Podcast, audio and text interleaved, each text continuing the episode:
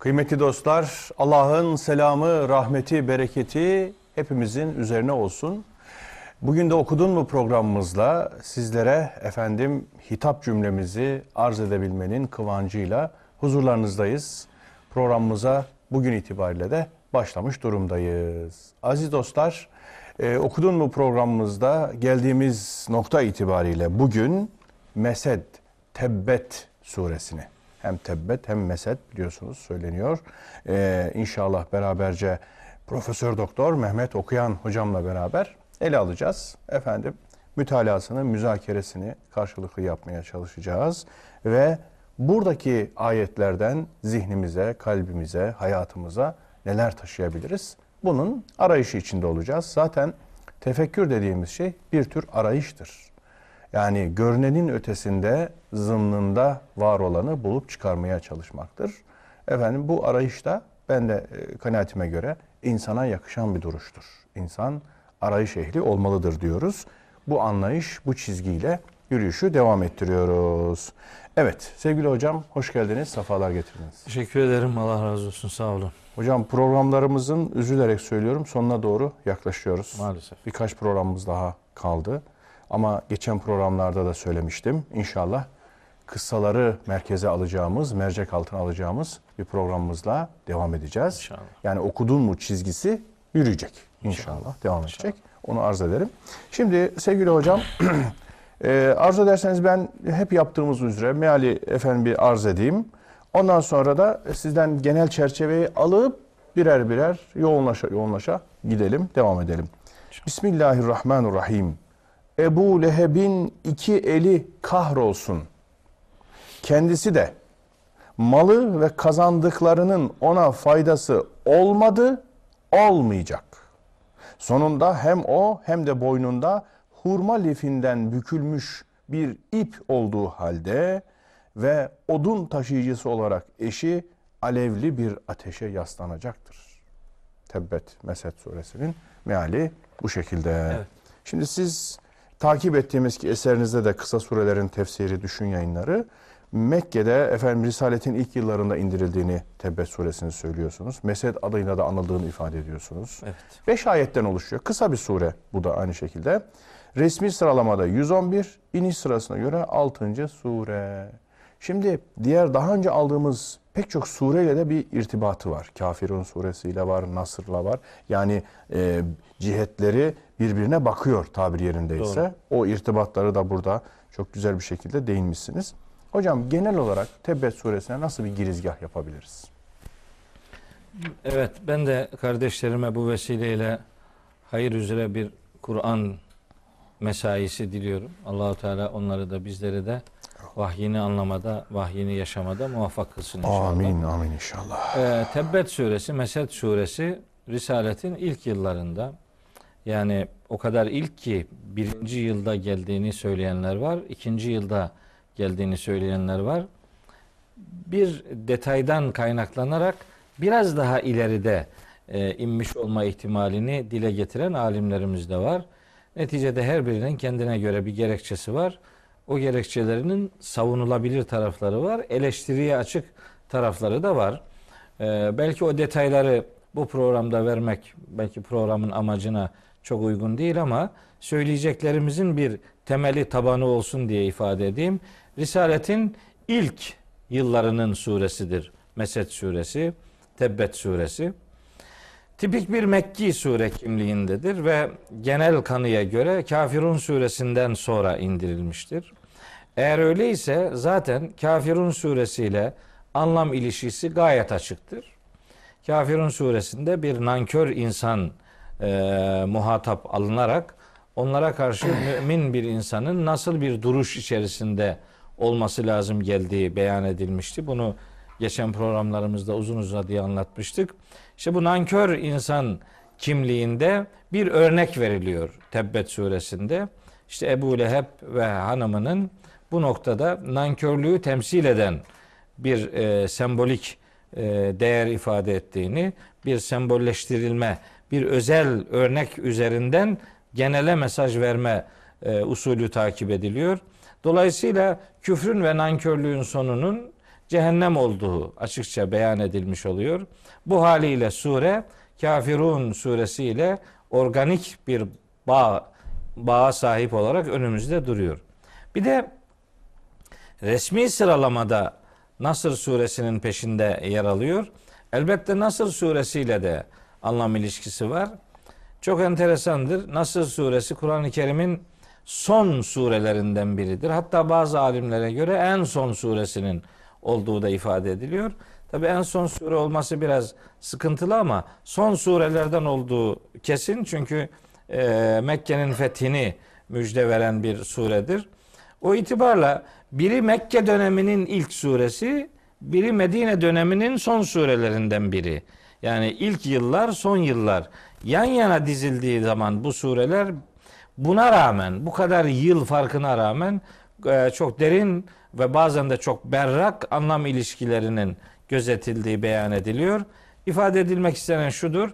Allah'a yaslanan insan, Allah'a yüreğini bağlayan insan, Allah'ın yardımını ve fethi kendisine Cenab-ı Hakk'ın müyesser kıldığı insan işte şu şu şu şu güzelliklerle buluşur. Ama bunun tersine muzafferiyeti, itibarı, şerefi, haysiyeti, onuru başka yerlerde arayan insanın da akıbetinin ne olduğu, ne olacağı Tebbet suresiyle, Mesed suresiyle ortaya konuluyor. Böylece yani ilahi yardımın dünyada insana gelmesi e, müjdesini veren Nasr suresi gibi başka taraflardan yardım bekleyenlerin de akıbetinin ateş olacağı beyan ediliyor. Dünya hayatlarının da aslında bir anlamda sefarete dönüşeceği bilgisi Tebbet suresiyle örneklendirilmiş oluyor. E, aslında Nasr suresinde bir istiğfar ve tevbe ahlakı öğretiliyordu. Burada da elbette Ebu Leheb ve hanımı bu çağrıya kulaklarını tıkadılar. Ee, onlar küfrü, şirki, inkarı kendilerine rehber edindiler. Ama bu kıssayı okuyan yani Tebbet suresini okuyan herkes bilmelidir ki sonu Ebu Leheb gibi olmasın isteniyorsa tevbe kapısı Nasır suresinde açılan, açık olduğu beyan edilen tevbe kapısının bu kıssayı okuyan herkes için de aslında açık olduğu ve Ebu Leheb gibi sonu perişanlığa dönüşmeyen bir hayatı tercih için istiğfarın ve tevbenin herkese sunulmuş büyük bir fırsat olduğu beyan ediliyor. Böyle e, mana açısından Nasır suresiyle anlam ilişkileri olduğu gibi iniş sırasındaki Kafirun suresinden sonra indirilmiş olması hakikatinden hareketle de bir nankör, genelde nankör insan tipinin akıbetini özel bir örnekle ortaya koyması bakımından son derece önemli bir suredir. Ee, genel mantığı, genel muhtevası hakkında da birkaç bir şey söyleyeyim. O arada kıssalarla alakalı yeni başlayacağımız programın da bir vesileyle az kenarından hakkında malumat vermiş olacağız kıssalarla alakalı. Şimdi bu sure mala ve güce güvenmenin nasıl felaketlere gebe olduğunu insanlara öğretiyor. Mala ve güce, servete güvenen insanların akıbetlerinin ateş olacağı beyan ediliyor. Ee, belki sloganik bir şey olacak ama Lütfen. e, mutlaka söylemek istiyorum. Bazen sloganların da gücü vardır. Evet. Ee, çok e, çok önemsiyorum bu cümlemi. Ee, kardeşlerim beni lütfen yanlış anlamasınlar. Bu sure bu Tebbet suresi, suresi. Mesed suresi bir insana yakınıyla övünmesinin yersiz olduğunu öğreten bir suredir. Yakınıyla. Yakını yani sureten yakını olan, biyolojik olarak yakını olan insanların birbirlerine faydasının dokunamayacağını. Çünkü Ebu Leheb peygamberimize yakın bir insandı. Amcası olduğunu biliyoruz.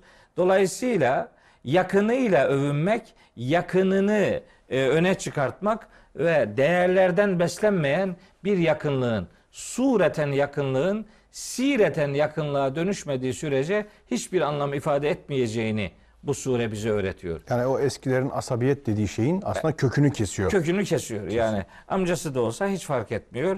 Neticede değerlerden beslenmiyorsa bu ilişki, bu yakınlık adamın kurtuluşunun bir vesilesini oluşturmak. Yani iman ve tevhid eksenli bir yakınlık değilse, Evet. imandaki kardeşliğe dayalı bir yakınlık değilse bunun muteber olmadığını bize bu sure öğretiyor. öğretiyor. Evet. Yani bu bunu lütfen yanlış anlamasınlar. Değerlerden inanç ailesi diye bir insanın aile mefhumu olması lazım. İnanç ailesi. Yoksa biyolojik yakınlıklar Hazreti Nuh'un oğluyla ilişkisi bağlamında önümüzde duruyor Duruyor. zaten. O senin ehlinden değil. Evet, e, o senin inanç ailenden değildi diyerek sureten birlikteliği değil, sireten birlikteliği, ahlaki değerlerden oluşan birlikteliği aslında zımnen bu sure okuyan herkese e, öğretiyor. Amacı onu öğretmektir diyebilirim. Bir şey daha burada çok önemli mesaj olarak e, veriliyor diye e, kanaat içerisindeyim. E, bir adamın kötü tek başına kendisinin kötü olması elbette yaptığı kötülüğün sonuçlarına katlanmasını İcap etti. icap ettirecek. Fakat kötülüğe destek olanların da aynı akıbeti yaşayacakları bu surede öğretiliyor. Yani tırnak içinde yamaklarının da yardakçılarının da, da, evet, aynı akıbete. Aynı akıbeti e, yaşayacaklarını Ebu Leheb ve hanımı özelinde Cenab-ı Hak bize bir davranış ahlakı olarak öğretiyor. Bununla ilgili çok nefis bir ayeti kerime var. Onu hatırlatmak isterim kardeşlerime. Hud suresinin 113. ayeti. Orada buyuruyor ki Yüce Allah Estağfirullah. Ve la terkenu ilellezine zalemu. Sakın ha zalimlere yanaşmayın. Yaltaklanmayın. Yalakalık yapmayın. Onlardan yana bir görüntü vermeyin. vermeyin. Ve temessekumun naru. O ateş sizi de yakar, size de dokunur. Yani bugün güçlüdür. Efendim ondan yana olalım veyahut da başka bir beklentiyle zalim birine yanaşmak, onun yanında görünmek ya da ona öyle ya da böyle bir çeşit destek vermek ateşi davet etmek demektir. Gayet açık. Hud suresi 113. ayet. Ve la terkenu ilellezine zalemu. Zalimlere yanaşmayın, yaltaklanmayın. Fetemessekumun naru.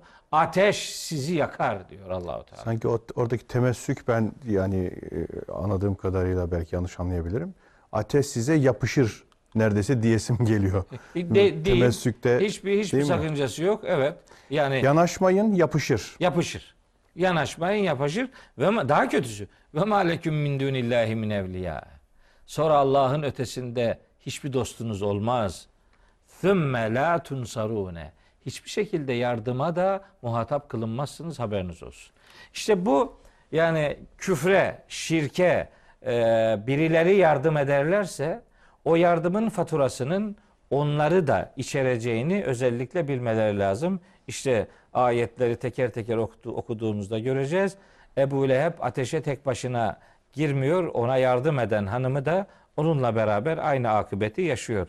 Öyleyse zulme destek olanlar, küfre destek olanlar destek oldukları bu küfrün ve zulmün faturasını onlar da ödeyeceklerini bilmelidirler. Surenin genel genel e, öğretmek istediği e, mesajların bu olduğunu e, düşünüyorum. Yani ben birinci dereceden fail değilim. Sadece yardım ve yataklık ettim. Heh. Dediğinizde de bu e, fail gibi telakki olunuyor. Aynen Yani öyle. es sebebi kel fail sırrınca Diyebiliriz. diyebiliriz. Evet. Sevgili Onun hocam- tersi de var ama. Evet. Şimdi bu işin felaket tarafını söyleyince orayla bitirmeyelim. Hayra da. Ha, eddallu alel hayri kefailihi diye Aynen. Buyurmuş bir e, hadiste peygamberimiz. Bir hayra delalet eden eden onu yapan gibidir. İşin hatta yani hadisten referans gösterdik. Kardeşlerimiz ayetten bunun referansı yok mu diye merak edebilirler. Var. İşte Nisa suresinin 85. ayeti. Men yeşfa şefaaten haseneten yekun lehu nasibun minha. Kim bir güzelliğe, iyiliğe ön ayak olur, o, onu o, insanların önüne getirir, hizmetine sunarsa o yapılan iyilikten onların bir nasibi vardır. Evet. Ve men yeşfa şefaaten seyyiyeten kim de bir kötülüğe ön ayak olur, sebep olursa yeküllehu kiflün minha onun da ondan bir payı olacaktır. Dolayısıyla yapılan işler hayır ya da şerden yana nasıl e, şekilleniyorsa akıbetleri muhatapları bir çeşit buluyor. Muhataplar o işlerin akıbetleriyle buluşturuluyor. Evet. Sevgili hocam, e, şimdi genel çerçeveyi çizdikten sonra çok güzel oldu. Yani bir kuş bakışı görmüş olduk Evet. sureyi. Evet. Gördükten sonra e, müsaadenizle tek tek biraz böyle kelimeler üzerinde duralım istiyorum. Çünkü bana sinyal yakan bazı kelimeler var. Öyle mi? Evet. Yani mesela e, tebbet zaten konuşulacak. E, buradaki e, el ibaresinin ifadesinin seçilmiş olması. Evet. Yani yeda denmesi, Yed, evet. yed denmesi, ondan sonra iki elin birden söylenmesi. Ee, özellikle başka bir uzuv değil, mesela doğrudan doğruya yaptığı kötülüklerin kuruması yönünde değil, kendi varlığının yok olmasının temennisi yönünde değil de ellerine e, atıfta bulunulması Hı hı. e, hem bir mecaz hem de bir derinlik içeriyor gibi geldi bana. Doğru. Malum haliniz yedi beyza meselesi de aynı şekilde. Yani eli el dediğimizde el bizim daha çok e- eylemlerimizi temsil eder. Amellerimizi yap, e, temsil eder. Doğru. Fiilen yaptığımız şeyleri temsil eder. Öyleyse burada e, Ebu Leheb'in şahsında ondan sonra ve onun gibi o tıynette olanların yaptıklarının şahsında fiili kötülükler Hı hı. kastediliyor. Yani doğrudan doğru elle yapılanlara bir efendim vurgu varmış gibi bir his oluştu. Tabii size soruyorum. Evet. Ondan sonra daha çok hani burada düşünce savaşı değil. Bazen e, imana karşı, tevhide karşı mücadelenizi düşünce bazında verirsiniz. Küfri düşüncelerle o- saldırırsınız, müdahale edersiniz. Bunu yayarsınız mesela. Ama burada fiili bir müdahale var. Elle tezahür eden bir durum varmış gibi geliyor. Doğru mu acaba? Ondan sonra e, el meselesi ve tebbet meselesiyle istersen Evet. bir başlayalım. Daha sonra başkaları var çünkü. Evet. Yusuf Bey, e, tabii onlara verecek cevabımız var. Tebbetle ilgili söyleyeceklerim var. Yeda, yet kelimesiyle ilgili söyleyeceklerim var. E, ama bu sureyi konuşurken bu surenin bir de nüzül sebebi diye bilinen Ha, bir lütfen. şey var yani. Tabii Şimdi tabii tabii. Onu da onu Tabii. atlamayalım çünkü sureyi daha iyi anlamak için Bir- bazen nüzül sebeplerini mutlaka bilmek gerekiyor. Gayet tabii. Gayet. Şimdi tabii nüzül sebepleri konusu da bazen çok istismar ediliyor. Evet. Şimdi nüzül sebebi bir ayetin veya bir ayet grubunun veya bir surenin inişine sebep olan olay veya olaylar. Evet. Nüzül sebebi veya nüzül sebepleri dediğimiz şey bu. Ama sırf anlamı ondan ibaretmiş gibi indirgenebiliyor bu sorun. Şimdi evet orada bir sorun yaşanıyor. Şimdi bir defa şunu en baştan söyleyelim ki Kur'an-ı Kerim'de e, ayetlerin çok büyük çoğunluğunun iniş sebebi diye özel bir olay veya özel olaylar yoktur. Bunu maksimum yani en fazla orana tabi tutacak olsak rakam emin olun yüzde beşi yüzde altıyı geçmez. Nüzul Yani sebebi ne istinad eden İst- istinad ayetler. eden ayetlerin oranı yani hiçbir şekilde yüzde on değildir yani. Hmm. Ama nüzul sebepleri diye bir şey yoktura işi dönüştürmek de doğru değil. Eyvallah. Çünkü mesela yeselûneke ifadeleri var yani. Yeselûneke demek işte sana soruyorlar. Diyorlar. Yani yesteftûneke sana fetva soruyorlar. ifadeleri var. Hatta kul kul ile başlayan ayetler veya sureler var. E bu şu demektir yani de ki de ki diye hitap böyle şekilleniyorsa belli ki bir soru sorulmuş. O sorunun cevabını peygamberimizin vermesi değil Cenab-ı Hakk'ın vermesi murad ediliyor. Onun için kul e, ifadeleriyle bazı ayetler veya sureler başlıyor. Yani nüzül sebepleri diye bir kurumumuz var. Fakat nüzül sebepleri ayetlerin sadece daha iyi anlaşılması için bir vesiledir. O kadar. Evet. Yoksa nüzül sebebinin özel olması hükmün ya da mesajın genel olmasına engel değildir. Tabii. Tam tersine o genel sonuçları çıkartabilmek için e, yani vahyin indirildiği ortama bir gidiş, orayı bir görme ama orada kalma değil. Evet. Oradan bugüne gelme anlamında bize bir ışık sunan Sunar. bir e, Tabii, malzemedir, imkandır bir yani. imkandır. Yoksa mesaj nüzül sebebinden ibaret değildir. İşte nitekim bu surenin inişine neden olan e, şöyle iki tane olay, çok temel iki tane olay anlatılıyor. Yani bunu burada söylememiz lazım. Hani en başında dedik ki sure Risaletin ilk yılında veya ikinci yılında ya da bir rivayete göre yedinci yılında. Şimdi bu yedinci yıl işi şeyden kaynaklanıyor. Ee, Kur'an-ı Kerim'in 26. suresi var. Şuara suresi. Evet. o surenin 214. ayetinde Yüce Allah buyuruyor ki Estağfirullah ve enzir aşiretekel akrabin yakın akrabanı e, uyar. Evet. Deniyor ki işte bu Tebbet suresi o ayetin inişinden sonra indirilmiştir.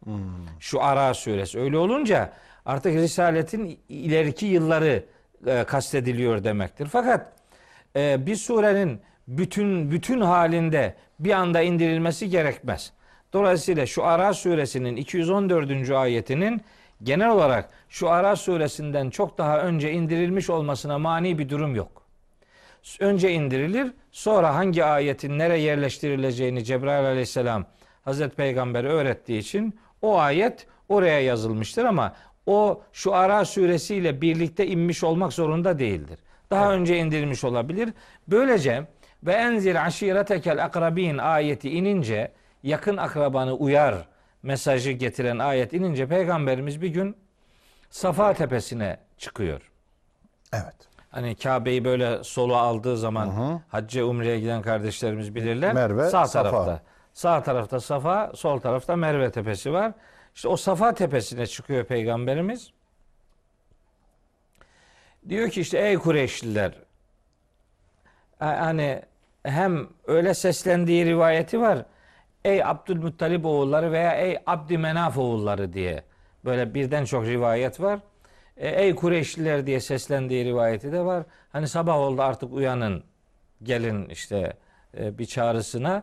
Kureyşliler geliyorlar ne oldu neyin var hayırdır diye mukabelede bulunuyorlar. İşte peygamberimiz de yani size şu tepenin arkasından bir atlı grubun saldırmakta olduğunu söylesem yani bu bana inanır mısınız deyince onlar da inanırız. Biz bugüne kadar senden doğrudan başka bir şey duymadık. Mukabelesinde bulununca peygamberimiz öyleyse sizi önünüzdeki bir felaketten, kıyametten, mahşerden, cehennemden dolayı uyarıyorum. Hani gidiş düzgün bir gidiş değildir. Uyarısını yapınca işte Ebu Leheb bizi bunun için mi çağırdın buraya? Ee, bu böyle bir şeyden dolayı yazık olsun sana deyip orayı terk ediyor. E, rivayetlere göre bu Buhari'de geçiyor bu rivayet. Bu rivayet e, bu olay gerçekleştikten sonra Tebbet suresinin indirildiği beyan ediliyor. Bir e, bir rivayet ya da bir grup rivayetin ortak mesajı bu. Bir de Ebu Leheb geliyor peygamberimize diyor ki yani ben Müslüman olursam bana ne verilecek? Peygamberimiz de ona yani herkese ne veriliyor, veriliyorsa sana da o. Yani diyor benim onlardan bir üstünlüğüm yok mu? Şimdi Ebu Leheb tamlamasını açıklarken bir şeyler söyleyeceğim. E, benim onlardan bir üstünlüğüm yok mu diyor. Peygamberimiz hayır neyinle üstün olacaksın ki diyor. Herkese ne veriliyorsa seninki de o olacaktır deyince beni diğer insanlarla bir tutan dine yazıklar olsun deyip çekip gidiyor. Ee, surenin bu olay üzerine, bu diyalog üzerine indirildiği rivayetleri de var. E, Yani her iki rivayet grubu da doğru olabilir. Yani illa biri doğrudur, öbürü değildir diyecek durumda değiliz. Ama meselenin içerisinde bir Ebu Leheb figürü var. Ee, ve e, Ebu Leheb'in bir e, kendini farklı gören, bir şeylere güvenerek kendini garantide gören bir mantığı temsil eden yapısı var. İster Peygamberimizin sallallahu aleyhi ve sellem Safa tepesine çıkarak yaptığı e, davet olsun ya da uyarı olsun. İsterse Ebu Leheb'le birebir görüşmesi e, merkeze alınmış olsun. Surenin böyle bir diyalog neticesinde indirildiği anlaşılıyor. Fakat şimdi burada başka bir şey daha var. Çok enteresan. Kur'an-ı Kerim'de kıssalar var. Evet. Nasip olursa işte onları e, program başında beyan ettiğiniz üzere konuşacağız. Kardeşlerimize aktarmaya gayret edeceğiz. E, hem orayla ilgili de ufak bir e, beyanımız olmuş olsun hem de bu sureyi daha doğru anlamak için bir ön bilgimiz oluşsun. Kur'an-ı Kerim'de kıssalar hayatın içinden seçilen kesitlerdir. Bu ne kadarıdır? Ne kadar lazımsa o kadarıdır. Ne insanlık tarihinin bütün olayları, kıssaları oluşturur. Ne de bir peygamberin hayatının tamamı ele alınır. Ne kadar ele alınır? Hud suresi 120. ayette Rabbimiz onun ne kadarının ele alındığını söylüyor. Ma nusebbitu bihi fuadeke. Yüreğini kendisiyle dayanık, dayanıklı hale, dayanır hale, dayanıklı hale getireceğimiz kısmını anlatıyoruz diyor. Yani her kıssanın bir anlatılış gerekçesi vardır. Çünkü içerisinde mutlaka bir ders vardır, bir ayet vardır, bir ibret vardır. Mesele bu olduğu için, mesele bir ders verme, ibret verme e, noktasında şekillendirildiği için kıssalarda çok büyük oranda isimler zikredilmez. İsim yok. E, yer beyan edilmez. Çok büyük oranda. Tabi yer beyan edilen birkaç örnek var ama çok büyük oranda yer yok. Mesela Hızır diye meşhur olan şahsın isminin geçmeyişi. Geçmez Ee, Adem'in oğullarının geçmemesi Habil Gibi. Kabil gibi. gibi. Yani İşte Hazreti Nuh'un oğlunun, Hazreti Nuh'un hanımının, Firavun'un hanımının, Hazreti Yusuf'un işte işte o Aziz'in adı, adı. hanımının adı filan geçmiyor. Geçmez. Şimdi tabi izleyici kardeşlerim diyecekler ki yani adı geçenler de var. Var. Hazreti peygamberlerin adı geçiyor. Ama onlarla mücadele edenlerden mesela sadece Azer'in adı geçer. evet. Ama Hazreti Firavun İbrahim. mesela Musa peygamberle işte mücadelesi Kur'an'da en çok anlatılan muhataptır ama Firavun biliyoruz ki adamın adı değildir. Evet. Yöneticilerin Unvanıdır yani. unvanıdır. İşte bilindiği haliyle ikinci Ramses olduğu beyan ediliyor. İşte Haman bile, Karun bile neticede birer e, ünvandır yani adamların adı değildir. Böyle özellikle kıssalarda bir isim zikredilmeme uslubu var, usulü Vardır. var. Evet. Hele ki tarih ya da zamana dair bir gönderme kesinlikle yok. Öyle olduğu için de biz kıssalara tarih değildir diyoruz. Tabii. Kur'an kıssaları tarihe ışık tutar ama ne olsa olsun tarih değildir. İşte kıssalara hikaye denmez diyoruz. Tabii eski ahitten yeni ahitten ayrılan tarafı da orada Olur. tarihler verilir, bir sürü isimler ıvır zıvır. Söylenir. İşte İsrailiyatın kaynağı da o. Aynen öyle. Ama Kur'an-ı Kerim böyle değil. Şimdi bunu şunun için söylüyorum. Ve biz Tebbet suresini bugün okuyacağız, konuşacağız. Enteresandır. Tebbet'te iki insan e, merkezdedir. Bunlardan biri Ebu Leheb, biri de hanımı. Ne Ebu Leheb adamın adıdır, ne de adamın hanımının adı zikredilir. Niçin? Bütün kıssalarda olduğu gibi burada da asıl mesaj, asıl dert, asıl önemli o görülen hususiyet mesaja dikkat çekmektir. Yani isim Adamı değil, deşifre etmek değil. Sıfattır. Evet. Adamın sıfat- sıfatı. Evet. Sıfat üzerinde duruluyor. Adamın adı verilmiyor. Niye? Mesajın evrensele taşınması için. Bunun için ne olursa olsun isimlerin zikredilmemesi gerekiyor. İşte herkes işte Ebu Leheb'i Ebu Leheb adamın adı zannediyor. Evet. Halbuki Adı hiç de öyle değildir. Adamın adı Abdül Uzza'dır. Hanımının adı da Ümmü Cemil'dir. Evet. Dolayısıyla ne Abdülüzza ne, Ne de Ümmü Ümmü Cemil, Cemil. iki kelime de burada yer almıyor. Nitelikler üzerinde duruluyor. Sıfatlar üzerinde duruluyor ki verilmek istenen mesaj şu yani e, Ebu Leheb gitti, hanımı da gitti ama Ebu Leheb'lik devam ediyor yani. Tabii. Ona destek olan mantık devam ediyor. İşte küfrü, şirki, inkarı e, destekleyen ya da bizatihi onun içerisine girip boğulmuş olan vatandaşlar o sıfatı kendilerine huy edinenler, din edinenler devam ediyor. Öyleyse Ebu Leheb ve hanımı özelinde sunulan akıbet o yolu takip edenler için de söz konusu olacaktır. Bir bir determinizm vardır işin içerisinde. Belli olaylar, Sebep belli sebepler ilişkisi. aynı sonuçları doğururlar. O gün ne olduysa bugün de neticede aynı şey olur diye Adetullah ve sünnetullah gereği gereği efendim e, aynı olayların aynı sonuçları vereceğini bu vesileyle beyan etmiş olalım. Hani e, niye isimler yok?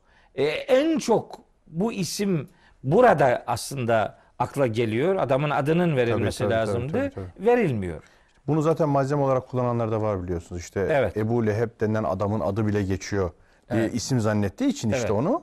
e, bu sefer e, bunun tarihi bir metin, Kur'an'ın tarihi bir metin olduğuna delil gösterenler okudum. E, ama biliyorsunuz. maalesef işte Maalesef bakın var. ki ne kadar büyük bir cehalet, Cehalet ortalıkta yani. dolaşıyor. Yani Firavun'un bile bir şahıs adı olduğunu kabul ediyorlar. İşte Kur'an'da böyle isimler genellikle zikredilmez deyince pat diye hemen Hemen- Firavun'un adı var ya diyor. Firavun'un adı yok işte. O adamın adı değil o. değil. Ebu Leheb'in adı var ya. Ebu Leheb'in adı da değil işte. Kusura bakma. Bunlar birer ünvandır. Onlar üzerinde duruluyor. Mesajın evrensele taşınması için yani bu bilgiyi ön bilgi olarak verelim ki Verelim. surenin e, ayetini sorduğunuz tebbeti ve Daha iyi- yedayı daha daha iyi iyi. konuşmak e, zeminini oluşturayım istedim. Evet. Ne zamandan sonra? Aradan sonra. Anladım bakışlarınızdan. Eyvallah teşekkür Evet. ederim. Evet aziz dostlar kısa bir mola vereceğiz. Tebbet suresine inşallah yoğun bir şekilde devam edeceğiz. Kıymetli dostlar kısa bir aradan sonra tekrar huzurlarınızdayız. Okudun mu programımızda. Efendim bugün Tebbet diğer adıyla Mesed suresini e, mütalaa etmeye gayret ediyoruz. E, genel çerçeveyi bir hayli değişik boyutlarıyla Mehmet Okuyan hocam arz etti, açtı. E, sebebi nüzulün de hangi konumda ele alınması gerektiğini söyledi. Bu tür e, özellikle sureleri anlamaya çalışırken, ayetleri anlamaya çalışırken. Burada bir özel isimden bahsedilmediğini, Ebu Leheb bir sıfattır diye özellikle tespit etti. Yani e, belli bir kişiye münhasır e, kılınması, inhisar ettirilmesinin son derece yanlış olduğunu Kur'an'daki diğer örnekleriyle beraber bize sundu. Şimdi tebbet kelimesi ilk ayette ve yed kelimesi yeda efendim bunu nasıl anlayabiliriz? Yani Benim de bir iki kendimce sualim olmuştu. Hocam tebbeti ve yedayı nasıl algılayacağız burada? Evet. Şimdi Yusuf Bey Tebbet yeda ebi lehebin ve tebbe surenin birinci ayeti. Bu tabi genellikle şöyle tercüme ediliyor. Önce tercüme genelin tercümesini söyleyeyim. Sonra ben öyle yapmadım tercümeyi. Evet. Benim tercüme e, ifademi ve gerekçemi söyleyeyim. Kurusun Şimdi- demediniz. Tebbet yeda Ebi Lehebin ve tebbe. Şimdi Ebu Leheb'in elleri kurusun zaten kurudu da. Evet. Aynen öyle. Yani tercüme genelde yaygın tercüme böyle.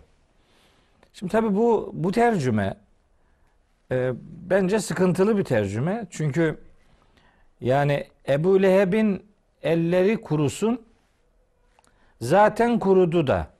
Peki bu sure ne zaman geldi? Risaletin birinci yılında veya ikinci yılında. Peki Ebu Leheb'in eli ne zaman kurudu? Bunun ölümünde kuru- kurudu diyeceğiz yani. Çünkü adamın otoritesi çok baskındı Mekke'de ve Peygamberimiz Medine'ye hicret edene kadar o Mekke'de o otoriter yapısını devam ettiriyordu. Çok iyi biliyoruz ki Ebu Leheb Bedir Savaşı'ndan sonraki o mağlubiyete dayanamayıp e, öldü. Ama çok açıkça ortada ki bu sure indirildiği zaman Ebu Leheb'in eli filan kurumuş değildi. Evet. Onun elinin kurumasına daha 10 sene daha vardı yani. Hmm. Öyleyse başka bir şey. Şimdi bu, bu tarihi vakayı bildikleri için tabi alimlerimiz ve tebbe şeyine kelimesine Kurudu da. gelecek zaman manası ver- verilebilir diyorlar. Kuruyacak. Yani indiği zaman itibariyle düşünüldüğünde kurumadı. O zaman bu ileride olacak bir iş için efendim kullanılmıştır denmiş ve kuruyacak manası e, burada kastediliyor görüşünü öne sürmüşler. Bir kısmı tebbet yeda ebi lehebin ve tebbe ve kat tebbe. Ve kat tebbe. Yani Hmm. zaten kurudu da muhakkak ki kurudu. Yani bugün itibariyle düşünüldüğü zaman tabii öyle. Kurudu adamın eli. Ama bu ayetin indirildiği dönemi daha nüzul sebebini niye merak ettik? Niye nüzul sebebini konuştuk? Yani madem bir tarihi vakayla ilişkilendirilmeyecekse o zaman nüzul sebebini, nüzul sebebi olan ayetleri hiç nüzul sebebine bakmadan konuşalım. E, eğer bir sıkıntı varsa sıkıntıyı çözmeye gayret edelim de yani bunu illa onların dediği gibi anlamak zorunda değiliz. Tebbet bir kahır ifadesi. Hani bir beddua ifadesi. Arapçada bu emir kalıbındaki ifadeler e, üç türlüdür Yusuf Bey. Bunlardan biri emirdir. Yani yukarıda makamca yukarıda olan birinin makamca Aşağıda aşağıda olana. olana, bir şeyleri buyurması buna emir derler. İşte şunu yap, bunu yapma filan gibi. Kur'an'daki emir ve yasaklar Allahu Teala'nın bu bu bağlamda e- ele alınır. Bir de var gene emir kalıpları şekil olarak emir kalıpları kullanılır ama birbirine eşit mesafede makam, makamdaki insanlar arasında yapılır. Buna artık emir denmez. Buna talep denir. Bir istek. Karşılıklı istek. Bir de makamca düşük olup daha yüksek makamdan bir şey istemek. Bu da gene emir kalıplarıyla e, dile getirilir ama buna bu defa ne emir denir ne talep denir. Onun adı duadır. Dua. İşte Rabbena gafirli ya Rabbi bizi bağışla deyince haşa Allah'a emretmiyoruz biz yani. İşte onun adına dua denir. Rica ve dua.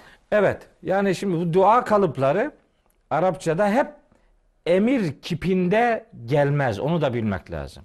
Mazi kalıbı kullanılarak da dua motifleri, dua anlamları elde edilir ya da beddua anlamları elde edilir. Geçmiş kalıbı kullanarak. Evet, mazi kalıp kullanılır. Mesela Gafarallahu lena. Allah bizi bağışlasın demektir o. Veya işte rahimehullah. Allah ona rahmet etsin demektir yani. Mazi kalıbı kullanılıyor olsa da mana şeydir. E, dua. Dua manasıdır. E, emir kalıbı gibi kabul edilir. Bu beddualar da böyledir. Yani tebbet işte kahrolsun kahrolsun eee, böyle bir kahır ifadesi içerir. Dua motifinin bedduaya dönüşmüş şekli. Fakat yani Allahu Teala bir adama niye beddua etsin ki? Yani Allahu Teala bir bir baş bedduanın aslında adresi sığınağımız Allahu Teala'dır. Gayet Dolayısıyla Cenab-ı Hak haşa ve kella başka bir üst makam yok ki ona bir şikayete konu edinsin. Bu öyle değil. Yani bu bir beddua gibi değil de bir kahır ifadesidir. Yani lanet olsun yani. Evet. Lanet olsun. Kahr olsun. Ne kahrı kahr olacak olan ne Ebu Leheb'in elleri. Elleri. Hmm. Peki ve tebbe o da kahır manasına geliyor. Ya. Ben o ikinci kahır ifadesini zaten kahroldu da veya kahroldu kahrolacak. Böyle tercüme edenler de Söyleyenler var. de var, evet. Hani belki o biraz daha iyi. Kahroldu kahrolacak yani yakındır sonu anlamı belki öne çıkıyor. Biraz daha iyi ama ben tercümenin bu da olmadığı kanaatindeyim. Siz birinci tebbenin ellerine, ikinci tebbenin şahsına, Evet. kendisine nazır olduğunu Evet yani düşünüyorsunuz. ikinci tebbenin de beddua formu e, içerdiğini düşünüyorum. Yani yeda tebbetin müennes gelmesi yeda kelimesinden kaynaklanıyor. E, tesni olduğu için, ikili, ikili olduğu olduğu için. için. öyle geldi. Eğer ikinci ve tebbede gene yedaya gidecekse, Gidecekse- ve tebbet olması lazım onun da. Aynen öyle. Çünkü orada Ee, müennes değil. müennes. Burada da Tabii. yani Arapça bir kural söyleyelim. Tabii, tabii, Eğer tabii. fiilin faili dişi ise ve zamirse o fiilin müennes gelmesi gerekir. Aynen öyle. Öyle olunca yani bir sıkıntı var burada. O zaman Hmm. iki cümle iki fiili de kahır ifadesi olarak alırsak Ebu Leheb'in iki eli de kahrolsun, kendi de kahrolsun. Ha bu kahır Ebu Leheb'in iki eli ifadesiyle neyi temsil eder? Kanaate acizanem şudur ki bir onun sosyal gücü, Hmm. iki ekonomik gücü, Nüfuzu, nüfuzu. değil mi? Sosyal Ekonomik gücü, nüfuzu, iktidarı. iktidarı ya da işte iki iki yönüne dikkat çekiyor. Tabi buradaki elden maksat tamamen mecazidir. Bir defa Tabii. tamamen semboliktir. Yoksa maksat organik bir Organik kahır değil. Kahır değil. Çünkü Kur'an-ı Kerim'de bu kelimeler kullanılıyor ve bunlar bir mecazi konumda kullanılıyor. Evet normal el anlamına gelen kullanımlar da var ama her yerde öyle değil. Mesela Maide suresinde buyuruyor Yüce Allah ve kâletil Yahudu Yahudiler demişler ki yedullahi mağluletun Allah'ın eli kilitlidir. Yani Ve Allah'ın eli ifadesi Allah'ın organik, biyolojik olarak elinden değil, mecazi olarak Allah cimridir demeye getiriyorlar. evet. Ona cevaben yani onun ikramını ve ihsanını e, kesik görüyorlar. e, kesik görüyorlar, eleştiriyorlar. Evet. Onlara cevaben bel yedahu mebsudatane. Hayır hayır Allah'ın bir eli cimridir diyorsunuz. Aksine Allah'ın iki eli de alabildiğini açıktır. E, ifadesiyle yet kelimesinin mecazen bir anlam ifade ettiğini Maide suresi 64. ayette bize öğretiyor Cenab-ı Hak. Başka örnekler var. Fetih suresinde mesela. Biattan söz eden ayetlerde Evet. İnnellezîne yubayi'ûneke innemâ yubayi'ûne Allâhe yedullâhi fevka eydihim. Onların ellerinin üzerindedir Allah'ın eli. Demek ki Allah'ın onayı demek. Allah'ın rızası demek. Tabii. Yani bu son derece açık. Yani kelimeler standart anlam vermiyor. Çok anlamlılık, vücuh dediğimiz çok anlamlılık devrededir. Mesela daha çarpıcı bir ayet söyleyeyim. Yet kelimesi ve onun çoğulu eyd kelimesiyle alakalı. Zariyat suresinde 47. ayette buyuruyor ki Yüce Allah Estağfirullah. Ve sema'e beneynaha bi eydin. Biz göğü güçlü bir şekilde bina ettik. Oradaki eyd güç, güç anlamına geliyor. Sistemin kuvvetliliği anlamına geliyor. Anlaşılıyor ki bu kelime öyle her yerde standart anlam vermiyor. Makama, duruma göre değişiyor. Duruma göre değişiyor. Burada da işte bir güç, bir otorite, bir kahra konu olacak ve yanlış bir sığınak olarak görülen bir olguya, algıya Cenab-ı Hak gönderme yapıyor. Nüfuz alanı, Nüfuz ondan alanı. sonra kendi hakimiyet alanının geniş bir tarafa sirayet etmesi, başkaları üzerindeki etkinliği. Evet, aynen Gibi Birçok öyle. şeyi söyleyebiliriz. Aynen öyle. Sözünün geçmesi. Aynen öyle. İkinci ayetteki kullanımdan da oraya bir şey alabiliriz. Şimdi ikinci ayette ma agna anhu maluhu, Maluhu ve ve ma ma keseb. keseb. Hani ona malı fayda vermedi, kazandığı da fayda vermedi. Mal dedi işte diyelim miras olarak ona atadan dededen kalandır ve ma kesepse kendi kazandığıdır. Öyleyse buradaki yedayı mal olarak ve kişinin kendi kazandığı ekonomik değer olarak da yorumlayabiliriz. İkinci ayetten Tabii. yardım alarak Tabii yani. tabii tabii. Çünkü yedle o benim kurmaya çalıştığım bağlantı iktisap, kesple de örtüşüyor aslında. Aynen öyle. Zaten ikinci Fiili ayetin sonunda aynen öyle. Ee, onu ifade etmiş olayım. Ee, bir şey daha söyleyeceğim. Bu onun ekonomik gücü ve sosyal nüfuzu kahrolsun. Kendisi de kahrolsun. Kendisinde ve tebbeye kendisi de kahrolsun manası veriyorum. Kendisinden maksat onun biyolojik olarak varlığı değil. Yani onun temsil ettiği inançsızlık. Onun temsil ettiği ahlaksızlık. Çünkü o sosyal ve ekonomik gücü başka bir yerde kullanıyor. Nerede? Şirkte kullanıyor. Küfürde kullanıyor, inkarda kullanıyor. İşte onun beslendiği damarlar da kahrolsun, damarlarını beslediği anlayışı da kahrolsun. Yoksa kendisinin biyolojik olarak kahrolmasıyla alakalı bir mesaj verildiğini hiç ama hiç zannetmiyorum. Şimdi hocam bir tane sözünüzü kesiyorum. Buyurun. Özür dilerim. Estağfurullah. Ee, çağrışımlar ister istemez oluyor. Çok zengin ve nüfuz alanı çok geniş bir medya patronu Türkiye'de. Düşünelim. Yani fiil hani fiilen de olan ondan sonra veya düşün tasavvuru da düşünebiliriz. Bununla ilgili ben bir köşe yazarının mesela serzenişini okumuştum. O büyük medya patronunun gücü olan, kudreti olan, ekonomik nüfuzu çok geniş, hükümette bilmem devlette orada burada her yerde eli var ondan sonra. Ee, köşe yazarı onun dümen suyuna e, su taşıdığı sürece sorun yok.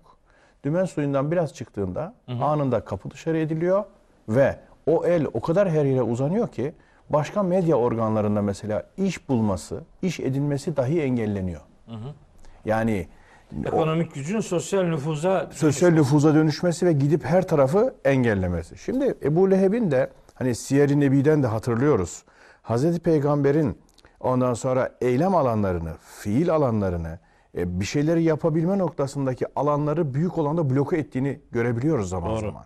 Yani Ambargo Ambargo işte o işte. Ha, yani o anlamda e, e, ekonomik gücün siyasi nüfuza, efendim diğer türlü sosyal nüfuza dönüşmesi ve bunu da bir engellemeye dönüşmesi noktasına düşünebiliriz. Aynen öyle. E, aklıma son geliyor. derece doğru e, bir yaklaşım.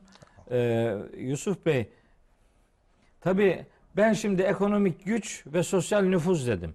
Yani başka biri başka bir şey de diyebilir. Tabii. Fakat bilinmelidir ki oradaki yet kelimesi mecazi bir anlam veriyor. Yoksa hakikat anlamında değil. Ebu Leheb'le ilgili de o tamlamayla ilgili de bir şey söylemek istiyorum.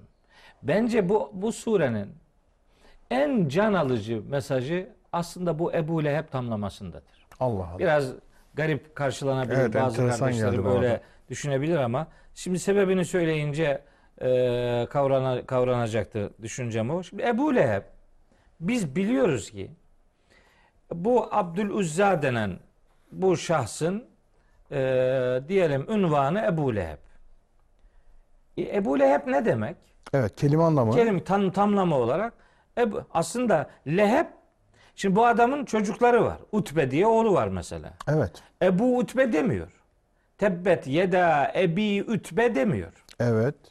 Leheb diyor. Halbuki yani çocuğun çocuğun babası demek lazım. Çocuğuna nispet edilmiyor. Hani nesli e, hedefte e, bırakmamak için. Doğru. yani. Çok ilginç. nesle bir gönderme yapmıyor. Ebu Utbe demesi daha Ebu- mesela düz Ebi mantığa göre. Utbe demesi lazım. Tabii. Yani e, peygamberimizin işte e, ünvanlarından biri Ebul Kasım'dır. Büyük erkek çocuklara nispet ediliyor e, Evet. babalar. Bu öyle değil.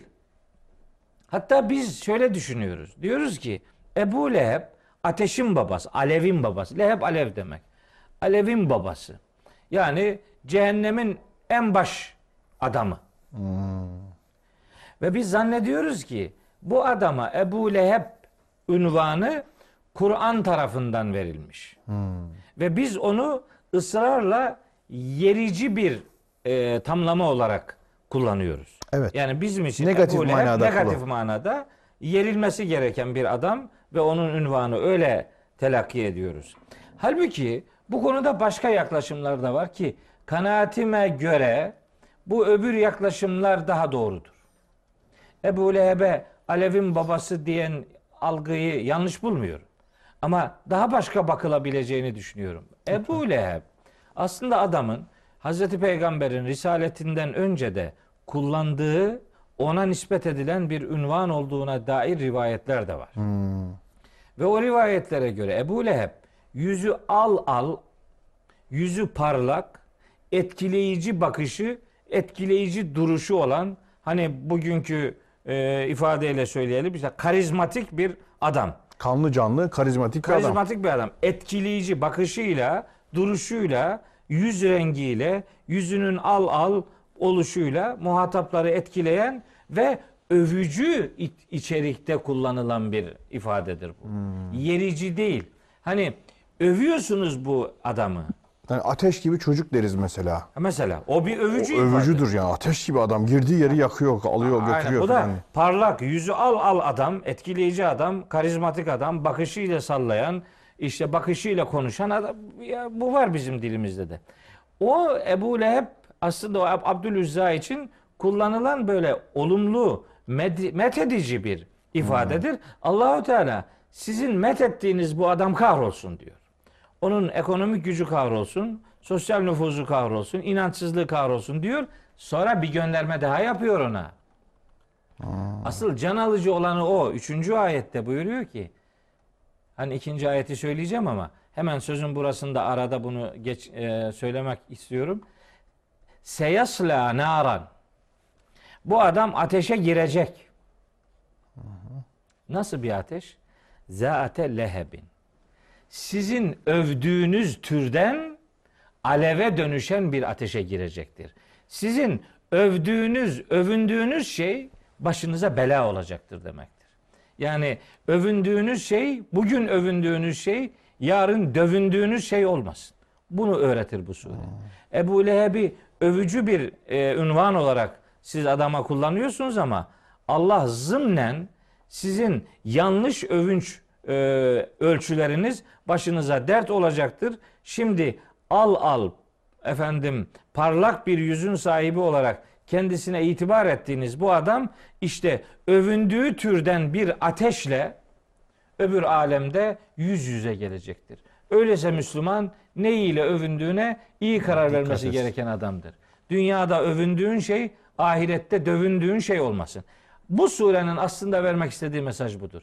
Ne ile övüneceğinize iyi karar verin. Doğru karar verin. Siz burada bir şeylerle övünürsünüz ama mahşerde o başınıza bela olabilir. Evet. Ebu Leheb'i böyle övünç ifadeleri gibi algılamayın. O ruzi mahşerde narın sıfatı olacak. Burada övgünün sıfatı olan bu parlaklık öbür tarafta alevin yani ateşin sıfatı olarak O şahsi gelecek. etkileyicilik, şahsi karizma Evet çizilecek. O- Evet, çizilecek. Harika güzel. Çok güzel. Ebu Leheb'in iki eli kahrolsun, Kendisi kendisi, de. kahrolsun. Evet. Dedik. Şimdi dedik. Şimdi mal var. Ardından da iktisap kesbettikleri var. Evet.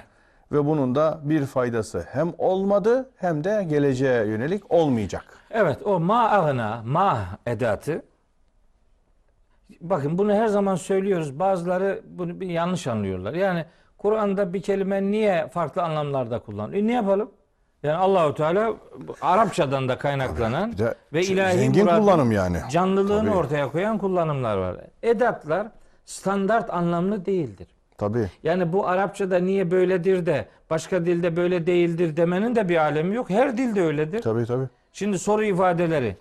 Yani adın ne dersiniz adama? Bu normal bir sorudur. Aynı ifadeyi adın neymiş senin? Yani de. sen de kimsin? Sen de kimsin? Küçümse Buyur. istifaf. Küçüms- küçümseme manası verilir. Ben bunu sana demiştim. Biz e, hatırlatma. Ben bunu sana demiştim. Dediğiniz zaman bak değişti iş Tabii başka yani. tabii. Şimdi bu Arapçada da edatlar böyledir. Hep standart anlam vermez bu. Bazen olumsuzluk manası verir. Ma agna anhu maluhu ve ma keseb. Ona malı fayda vermedi, kazandığı da. Olumsuz mana verir ma. Ama bu soru manası da verebilir. Ma agna anhu maluhu ve ma keseb. Verdi mi? Malı ve ona kazandığı şey ona ne fayda verdi? Fayda mı verdi? Bakın değişti. Evet. Hatta meseleyi mahşerle ilişkilendirdiğimiz zaman bu defa agna ve kesebe yani agna fiiline gelecek zaman manası verilebilir. Ma agna anhu maluhu ve ma keseb. Kazandığı ya da ona tevarüsen miras kalan şey ona ne fayda verecek ya da hiçbir fayda vermeyecek. Evet. Ma agnaya gelecek zaman manası verildiği zaman mahşerde bu kazandığı malın da veya ona miras olarak kalan mal varlığının da servetinde hiçbir faydasının olmayacağını ya da ne faydasının olacağını sorgulayan bir e, içerik söz konusu olabiliyor. Şimdi ma agna anhu maluhu adamın malı ona bir fayda vermedi, fayda vermeyecek. Bu malı ona kalan mal olarak algılayabildiğimiz gibi kendisinin kazandığı mal olarak da algılayabiliriz. Böylece ma agna anhu maluhu kısmını mal ve servetle ilişkilendirebiliriz ve ma kesebe kısmını da kesbettiği şeyler, kazandığı şeyler. Bunu daha çok manevi olarak algılayabiliriz. Eylemler, Tabii. o o Şan, övündüğü şeyler Mesela şan, şöhret, Evet. nüfuz demiştik. gibi. Onlar onların da adama hiçbir faydası olmayacaktır. Kanaatim odur ki o kesbettiği şey hem yüreğin kesbettiği şeyler hem ruhun kesbettiği şeyler hem uygulamaya koyduğu şeyler anlamında çok daha kapsamı geniş bir anlam alanı bize verir. Yani övündüğü şeyler, dövündüğü şeyler olacaktır. Ruzi mahşerde hiç başına hiçbir ferahlık vermeyecektir. Şeyde geçiyor e, Leyl suresinde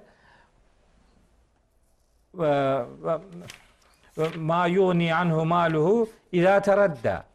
Malı ona şeye düştüğü zaman yani kabre girdiği zaman, öldüğü zaman malı ona ne fayda verecekmiş ki? Hiçbir fayda vermeyecek.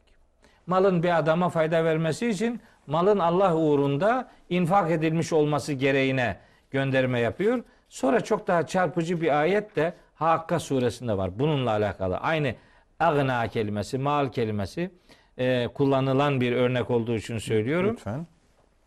Emma men utiye kitabehu bi şimalihi.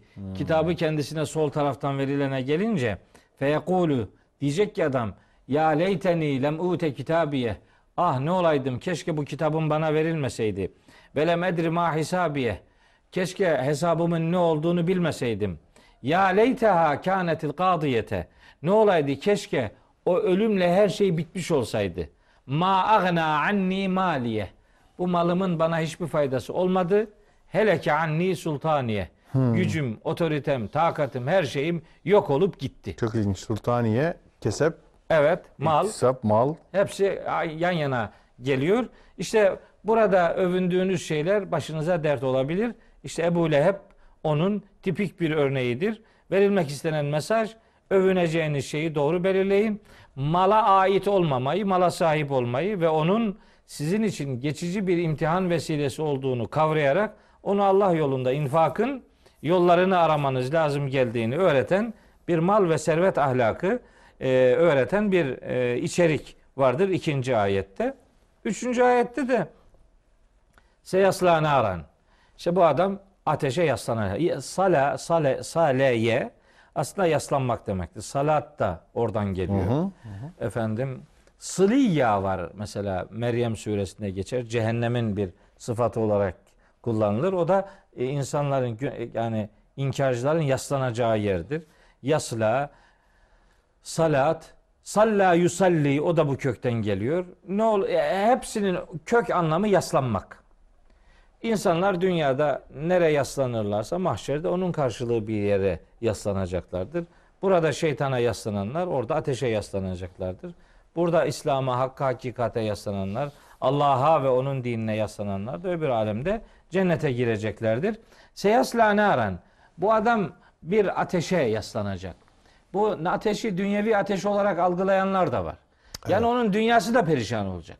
Evet. Zat-ı lehebin. Övündüğü şeyler başına bela olacak yani.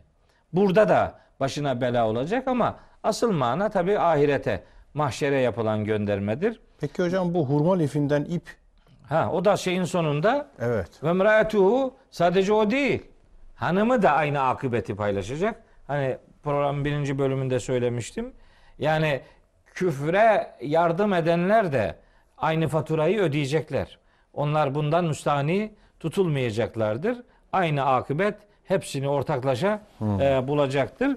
Ve mraetuhu deyip de hanımın adını söylememesi de çok ilginç. Evet o Yusuf ilginç. Bey. Evet. Yani Ümmü Cemil kadının adı işte Ebu Süfyan'ın ya- yakını bildiğimiz gibi Muaviye'nin Evet, yakını filan. evet. Ee, bu kadın bunun adını söylemiyor fakat sıfatını söylüyor. Hemmaletel hatab. Kim bilir kaç tane hanımı vardır adamın. Her birini suçlamıyor. Yani hanımları da böyle yaptı demiyor. Kim bir kabahat işlediyse ona gönderme yapıyor. Hemmaletel hatab odun taşıyıcı olarak. O hemmale yani allame kelimesi gibi yani bir şeyi bir şeyle anılan artık yani. Evet. İşi gücü o olan. Bu kadının peygamberimizin yoluna gece dikenler efendim Koyduğu. koyduğu, peygamberimize zarar vermek için uğraştığı beyan edilir. Aynı zamanda bu kadının peygamberimiz aleyhine çok dedikodular ürettiği, laf taşıyıcılığı yaptığı da beyan ediliyor. Yani odun taşıyıcılık burada onun yaptığı eylemlerin bir sembolüdür. Ama bu fici diha hablum min mesed.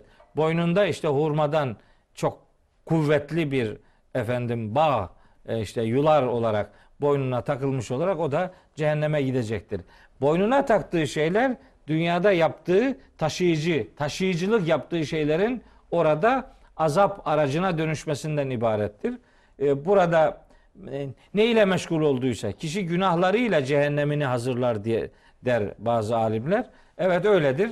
İşte burada yaptığı taşıyıcılık, laf taşıma, işte zarar verme, efendim dikenler ortaya koyma, engellemeye gayret etme türünden ne neler yapmışsa öbür alemde bunlar onun başına dert olarak, fatura olarak kesilecek, ödenecektir.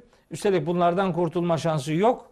Hani burada yaptığı şeyler hani o- e, belki e, daha basit şeylerdir belki ama orada onlar muhkem bir varlığa dönüştürülerek adeta çelikleşmiş bir mahiyet arz ederek cehennem yakıtının içerisinde bunlar da o akıbeti paylaşacaklardır. Cehennemle alakalı işte insanlar ve taşlar onun yakıtıdır diyor Evet, Kur'an-ı Kerim'de. evet. Bakara suresinde var. işte Tahrim suresinde var. Yani taşı taşı yakan bir ateşten söz ediyoruz ki işte işin şiddetini ortaya koyma bağlamında ama buradaki hanımın yaptığı kabahat işte laf taşıyıcılığıdır. Birine engel olmaktır.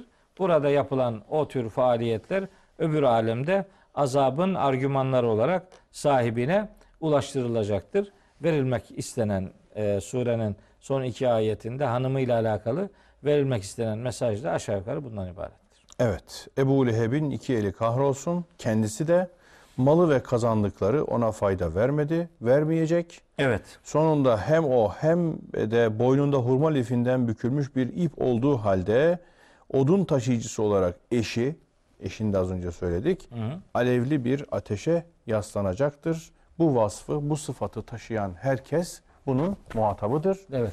Bizim de nefsimizde buna dair bir takım sıfatlar e, kısmi de olsa bulunuyorsa biz de nefsimizin o arızalı tarafıyla bu hitaba muhatap oluruz efendim ve bunun e, karşısında kendimizi buluruz. Aynen öyle. Aynen öyle Yusuf Bey. Yani yani programın sonuna yaklaştığımız için o e, detayları vermedim. Mesela Kur'an-ı Kerim'de böyle bir aglal kavramı var. Evet. İnna cealna fi a'naqihim aglalen. Aglal evet. Onların boyunlarına biz tasmalar taktık diyor. Efendim selasil kelimeleri var. Mesela cehennemde adamların ayaklarına takılacak zincirlerden söz ediyor. Hatta Me'ariç suresinde var öyle 70 zira uzunluğunda zincirler var filan. Orada azabın içerisinde böyle tasmalarla, zincirlerle, demir halkalarla bulunanlar. Mesela Müzzemmil suresinde var. İnne ledeyna enkalen. Enkal kelimesi işte pranga demektir yani. Evet. Boyuna takılan şeyler. Ee, yani bir adamın yani onu zillet içerisine düşürmek için işte boynuna demir takmak onu hayvan derecesine indirmek gibidir. Böyle aşağılayıcı bir ifadedir. Fakat bütün bunların aslında vermek istediği bir mesaj var. Kanaatim odur ki yanılıyor da olabilirim ama ben öyle düşünürüm. Yani cehennemde böyle tasmalardan, prangalardan, ayaklara takılan zincirlerden söz edilmesinin önemli bir hikmeti olsa gerektir. Hem muhatapların aşağılanması ve oradan o cezadan kurtulmanın imkansızlığı verilir. Hem de aslında burada kendisini prangalara mahkum eden adamların kendi prangalarını, mahşerdeki prangalarını buradan hazırladıkları mesajı var. Köleliğine yani kendi ruhunu, benliğini küfür, şirk ve inkar köleliğine terk eden adamlar orada bunun karşılığı olarak prangalara mahkum edileceklerdir. Bu işler buradaki boynundaki ip de aslında onun dünyadayken kendi iradesine, aklına, gönlüne vurduğu prangadır. Peygamberimizi tarif ederken Araf suresinde Cenab-ı Hak buyuruyor ki Estağfirullah ya'muruhum bil ma'rufi ve yenhahum anil münkeri ve yuhillu lehumut tayyibati ve yuharrimu aleyhimul habaise ve yad'u anhum israhum vel aglalelleti kanet aleyhim. Aglal orada da. Ha, peygamber onların yüklerini kaldırır ve üzerlerinde bulunan o prangaları söker atar. Ya. İşte bu insanın aklına, beynine, kalbine vurduğu, zihnine vurduğu prangaları peygamberi bilgi, vahyi ilkeler Nebevi e, sünnet, Sünnet, alır götürür. onları alır götürür. Burada o bilgilere itibar etmeyenler boğazlarına kendileri prangalar takarlarsa öbür alemde de burada tercihlerinin sonucunu göreceklerdir. Böyle bir göndermenin yapıldığını düşünüyorum. Çok güzel hocam. Evet yani demek ki her yönüyle bu hepimize hitap eden Evet. gene sadece Ebu Leheb ve onun benzeri kişilere atfedilmeyen bizim de kendi şahsımızda bunun alametleri küçücük de olsa özellikleri varsa bu yönde. Mesela ben kendi kendime siz söylerken dedim ki işte ey Yusuf Efendi ondan sonra sen de eğer kendi elde ettiğin ufacık dünya malı malları yani oradaki e, gına yani müstahni oluşla filan da bağlantısını biz daha önce kurmuştuk. Evet. Kim ki kendini istina içinde bulur o azar şüphesiz azar meselesini konuşmuştuk. Malın getirdiği bir istina hali de varsa bu e, burada doğrudan doğruya buna muhatapsın diye kendi Aynen. kendime söyledim. Doğru. Elinin işte ya da sosyal imkanlarının oluşturduğu küçücük alanlar dahi olsa bu iktisap ettiğin sosyal alanlar, ekonomik alanlardan dolayı efendim e, elinin oluşturduklarından dolayı sen de buraya muhatapsın diye kendi kendime söyledim. Eğer bu sende bir tarz, bir sıfat, bir kişilik özelliği haline gelirse aynen ateşe yaslanma da senin için muhatap e, söz konusu olacaktır Evet. diye Övündüğün şey dövündüğün şeye dönüşecektir. dönüşecektir diye hitap söz konusu gibi geldi. Hocam kifayet eder diye düşünüyorum. Evet inşallah. İnşallah ondan sonra geçen programlarda tekrarlamıştık. Başlanır, bitmez. Bitmez. Biz başlamakla mükellefiz. Çok teşekkür ediyorum Ben size. teşekkür ederim. Sağ olun. Eksik olmayın. Allah razı olsun. Evet aziz dostlar bugün Tebbet suresinin yanında yöresinde bazen içinde dolaştık. Size şöyle bir çerçeve sunmaya çalıştık. Bundan sonrası daha derin kıvrımlarda dolaşmak size kalıyor efendim. Hürmetle, muhabbetle.